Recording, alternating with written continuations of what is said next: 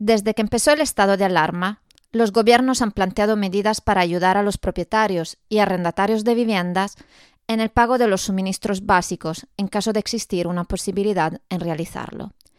Pero, ¿en nuestro país se ha realmente asegurado un acceso universal al agua?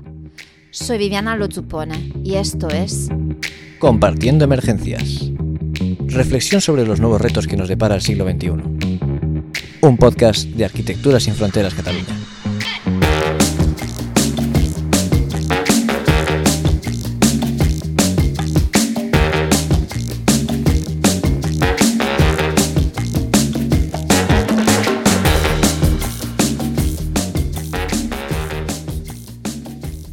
Hoy hablaremos con Emma Puig de la xarxa d'habitatge del Baix Maresme.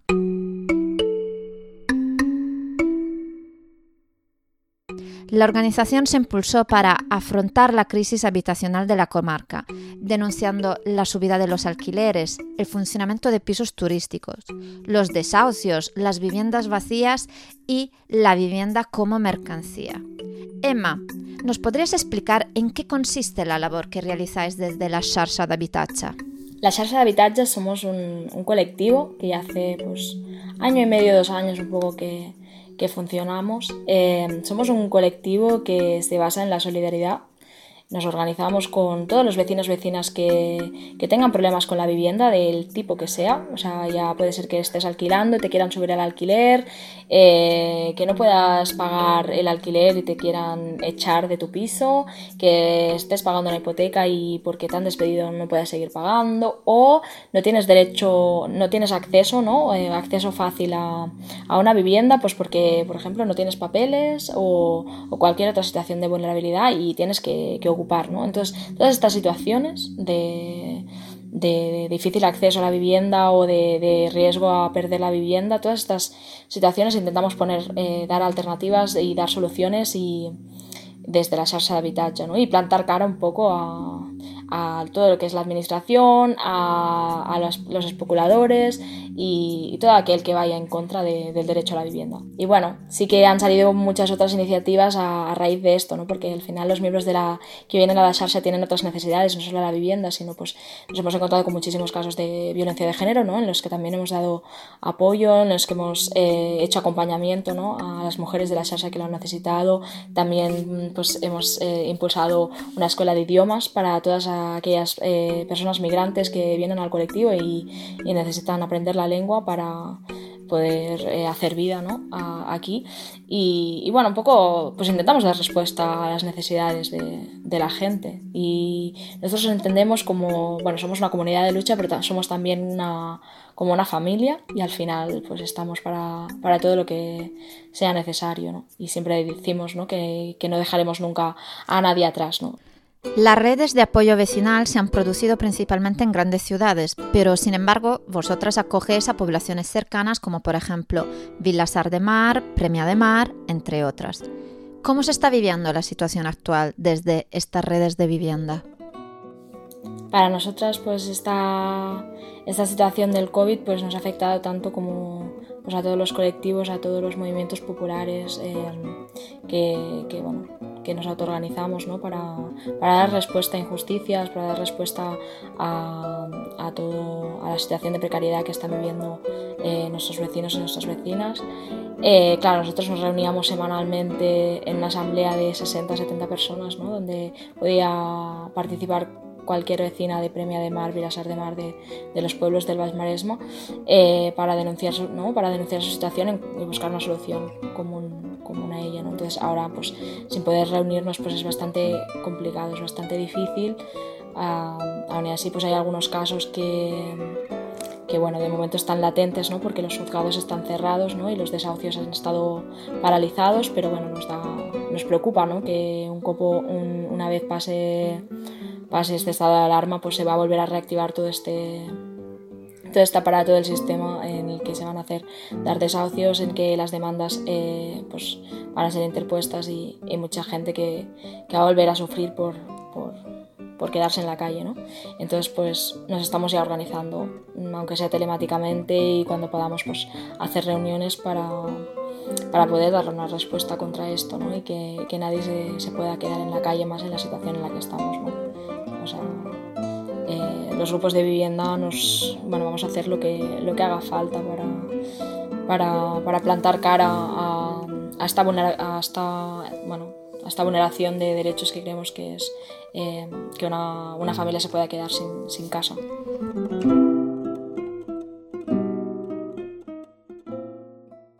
El agua es un bien esencial, con mayor razón en la situación actual donde ha cobrado vital importancia para garantizar la higiene. Desde la Xarxa habéis denunciado su falta de acceso por parte de muchas familias de la comarca. ¿Nos podrías comentar cómo ha sido esta lucha durante la pandemia?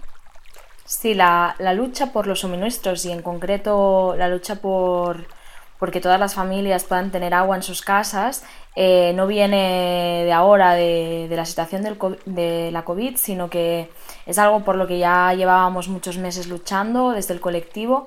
Hay varias familias que forman parte de, de la Sharsha que eh, están en una situación irregular en, en, su casa, están ocupando y eso no les, permite, no permite hacer un contrato de, con la compañía de, de, las aguas. ¿no?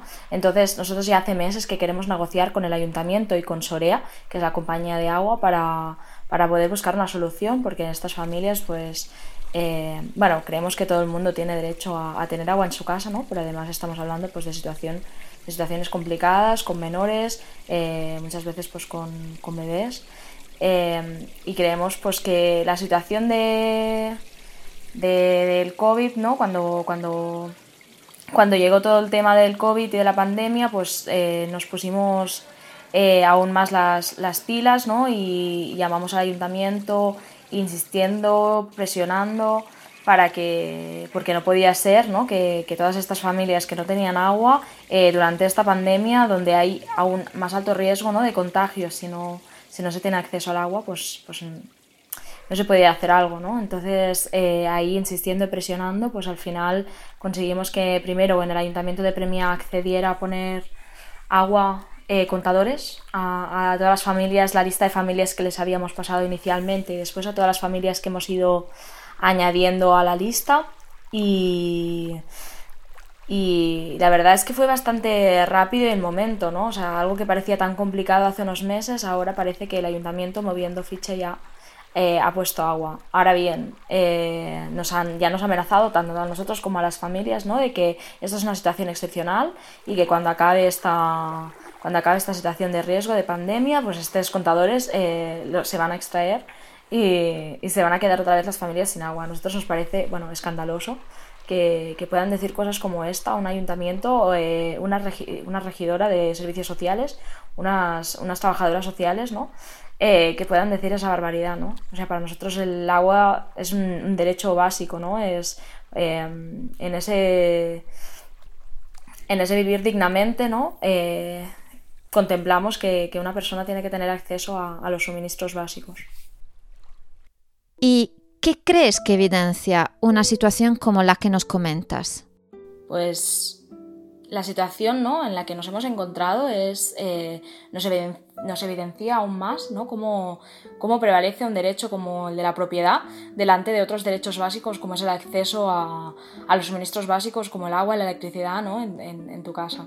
Y esto lo vemos porque mediante la, presión ejercida por la Sasa de ya hemos conseguido que los ayuntamientos de Premia de Mar y los ayuntamientos de Vilasar de Mar eh, accedan a, a, llegar a un acuerdo con, con la empresa de agua eh, Sorea y de la empresa municipal de agua de Vilasar de Mar, pero, pero sí que vemos pues, otros ayuntamientos cercanos, ¿no? como sería el ayuntamiento de Mataró, por ejemplo, donde el grupo de vivienda de allí, que es la PAC, la PAC de Mataró, eh, presionaron, hicieron una campaña para que pusieran agua a las familias que no tenían agua en sus casas y, y no lo han conseguido, ¿no? El, el alcalde ha, ha, reiterado que no hay familias que, les falte el agua y que, y que, no hace falta llegar a estas medidas. ¿no? Nosotros nos, bueno, nos escandaliza muchísimo cuando hay una evidencia eh, que están negando. ¿no? Entonces, eh, incluso llegó un punto ¿no? de, en medio de la pandemia en que, en que se, se, cerró también, bueno, el ayuntamiento de Mataró cerraron las, las fuentes de agua de la ciudad, eh, por lo tanto dejando a estas familias en situación de extrema vulnerabilidad. ¿no?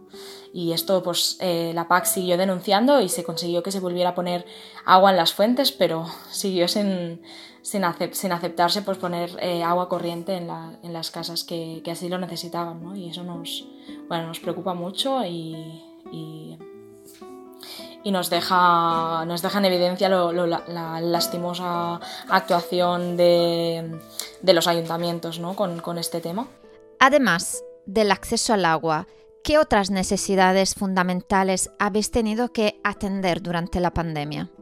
Hemos visto como durante esta pandemia ¿no? Eh, se, han, se, han, visto agudizadas otras, otras necesidades que, que hasta ahora estaban cubiertas más o menos ¿no? por, por, algunas instituciones, como podrían ser pues, Cáritas o la Cruz Roja, que han abastecido de, de alimentos a muchísimas familias, o ayudas que previenen, provienen de servicios sociales. ¿no? Hemos visto como durante esta pandemia eh, han sido totalmente insuficientes. ¿no? O sea, se han multiplicado los usuarios de, en Cáritas, se han multiplicado los usuarios en servicios sociales y estas instituciones han visto totalmente colapsadas ¿no? y no han podido dar respuesta a mucha necesidad de, de gran parte de la población. ¿no? Entonces, eh, la propia gente, de, miembro de la xarxa d'habitatge, pues eh, lo estaba comunicando ¿no? al grupo de eh, no llegamos, no llegamos para comer, no nos llega para comprar eh, los productos básicos ¿no? de higiene personal, de, de, limpieza de la casa, el que sea. ¿no? Y pues a, a raíz de esa necesidad tan grande de nuestra gente,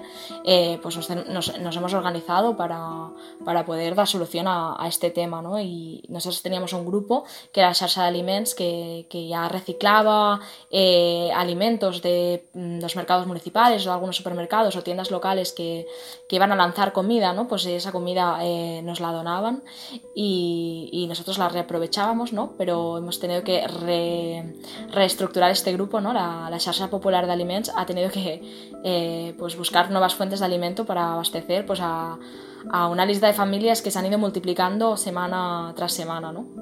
También nos hemos tenido que poner en contacto pues, con grupos de vivienda de, de Barcelona para, eh, porque a ellos los, les ha pasado lo mismo, ¿no? que, que, han tenido que impulsar eh, redes de, de alimentos para, para abastecer a, a, a, las familias ¿no? que, que van normalmente a, a sus grupos. Y, y, bueno, lo interesante de todo esto es que las propias familias, ¿no? que las propias personas que, que tienen esta necesidad de, de, alimento o de otros productos son las que se están organizando eh, a través de, de estas eh, redes que hemos creado eh, de apoyo mutuo, ¿no?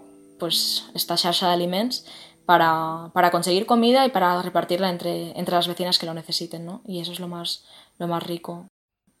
Una crisis sanitaria global como la presente necesita un replanteamiento de ideas y de propuestas para mejorar el acceso igualitario al suministro de agua. Pero existen otros aspectos que esta pandemia ha puesto en evidencia y que se deberían repensar, como por ejemplo que las ciudades no están preparadas para este tipo de emergencias.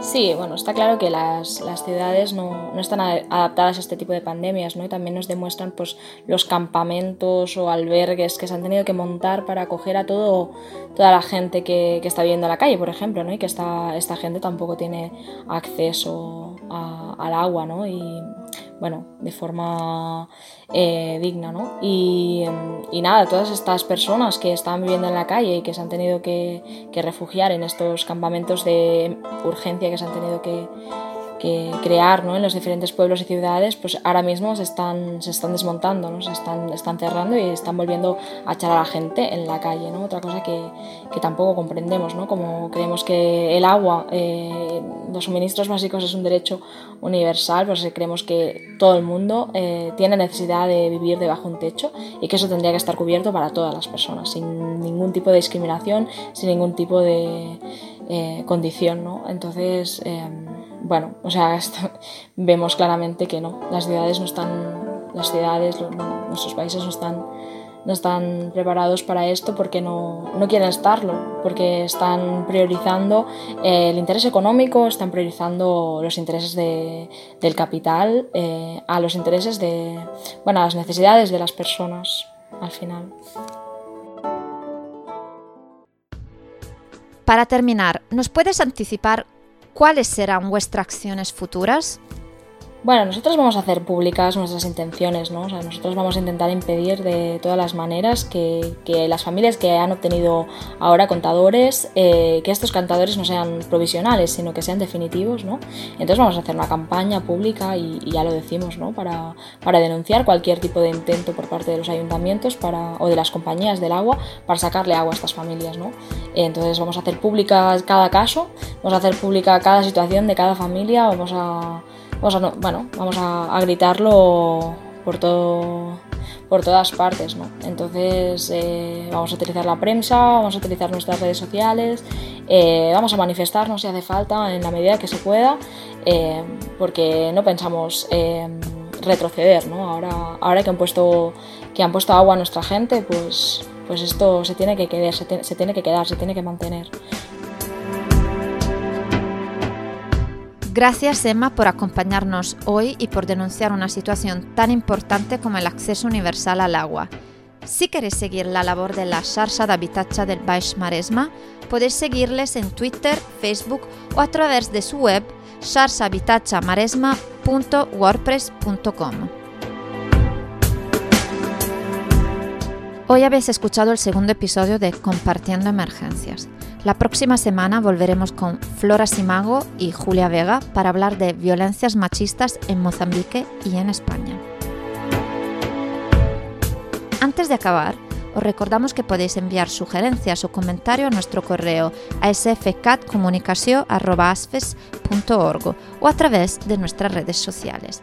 Además, podrás seguir este podcast desde nuestra web o desde Spotify, Evox y iTunes.